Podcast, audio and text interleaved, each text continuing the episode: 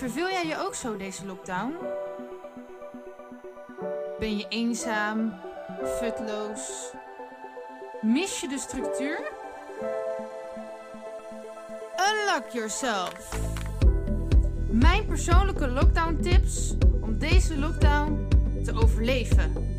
Tips over zingeving, spiritualiteit, mindset, gezondheid, vermaak, thuisonderwijs en tips voor het sociale contact in en buitenshuis.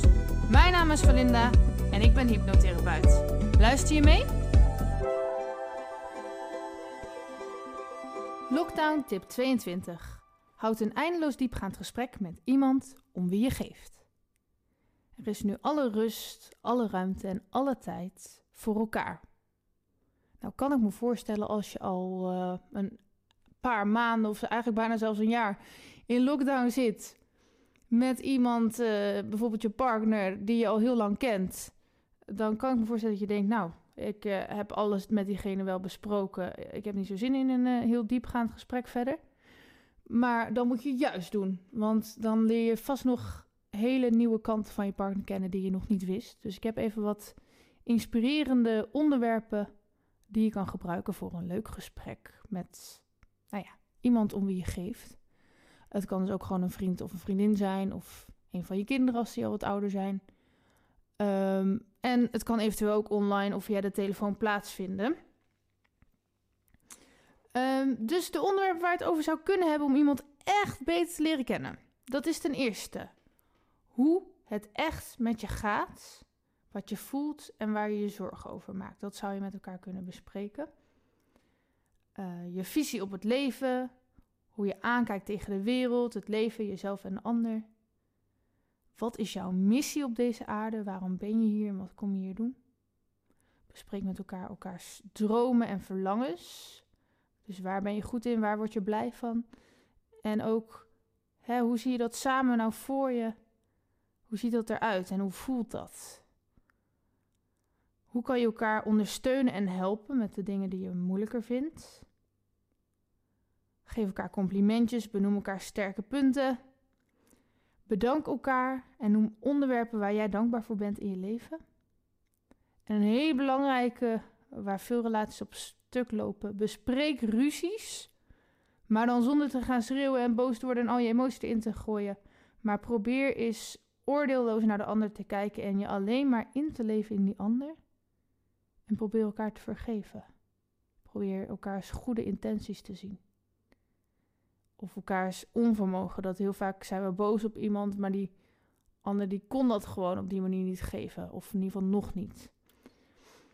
Wees stil en kijk diep in elkaars ogen. Raad elkaars gedachten. Of lach samen om je eigen gekke gedachten en dingen die ooit misgingen. Je kan elkaar ook plagerig nadoen, zonder dat de ander zich gekwetst voelt, omdat je dat met elkaar hebt afgesproken. Of filosofeer samen over hoe de aarde ooit is ontstaan, ontstaan en waarom. Filosofeer samen over wat er na de dood zou kunnen zijn. En wat je, elkaar zou zeggen, wat je over elkaar zou zeggen op je begrafenis. Dat vind ik ook altijd een hele leuke. Dat heb ik zelf ook een keer. Uh, ja, ik, de, ik denk heel vaak na over mijn begrafenis. En um, ja, dat klinkt een beetje gek, maar ik zou er echt graag bij willen zijn. Ik zou echt willen weten wat mensen dan over je zeggen. Of wat ze voor liedjes zingen. Of wat ze voor foto's laten zien. Het is misschien een beetje een ego-dingetje dat ik, dat, dat ik daar heel nieuwsgierig naar ben. Ik denk ook echt dat als ik er echt bij zou zijn en het zou kunnen zien, dat ik dan een beetje teleurgesteld ben. Omdat ik zelf een veel grotere show in mijn hoofd heb dan dat het uiteindelijk wordt. Maar in ieder geval, ik dacht toen op een gegeven moment van ja, oké. Ik heb dus heel veel zin in mijn begrafenis, ook al ben ik dan dood. Um, dus misschien moet ik dan maar mijn begrafenis bij leven geven. Want wat vind ik nou zo leuk aan een begrafenis? Helemaal niet dat je. Begrafenissen zijn natuurlijk helemaal niet leuk. Maar ik vind het altijd zo leuk dat er uh, wordt verteld over ja, alle mooie kanten van een persoon die worden doorgenomen. Of wat je allemaal mee hebt gemaakt in je leven. En dat vind ik gewoon iets heel erg moois. Niet alleen voor mij. Ja, dat vind ik ook gewoon mooi om aan een ander te geven. Um, dus toen dacht ik, ja, waarom doen we dat eigenlijk niet op verjaardagen? Dat, dat zou ik echt veel cooler vinden. Want ja, op een begrafenis, dan hoort iemand het niet meer.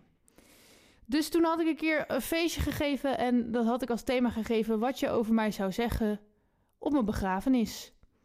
Nou, toen. ehm, en je hoefde het niet per se te zeggen, je mocht ook zingen of dansen of iets geks doen. En toen heeft een goede vriend van mij, Theo, een liedje geschreven. Eh, en toen hij dat voor mij zong, ik moest echt huilen. Want het was echt, het was en grappig en heel gevoelig. Het was echt super mooi. Dus zoiets kun je ook met elkaar natuurlijk bespreken of eh, met elkaar uitvoeren. Ehm, wat kunnen we nog meer doen? Maak gezamenlijk dromen en doelen en plannen voor je toekomst. En mocht je dit eh, met je partner dus doen, kan je het ook nog hebben over de opvoeding van je kinderen en wat je allebei belangrijk vindt in de opvoeding. Of wat je, kinderen, wat je je kinderen graag mee wilt geven. Ehm, dus dit zijn allemaal dingen die je zou kunnen doen om dieper nader tot elkaar te komen en elkaar van een hele andere kant te leren kennen. Succes!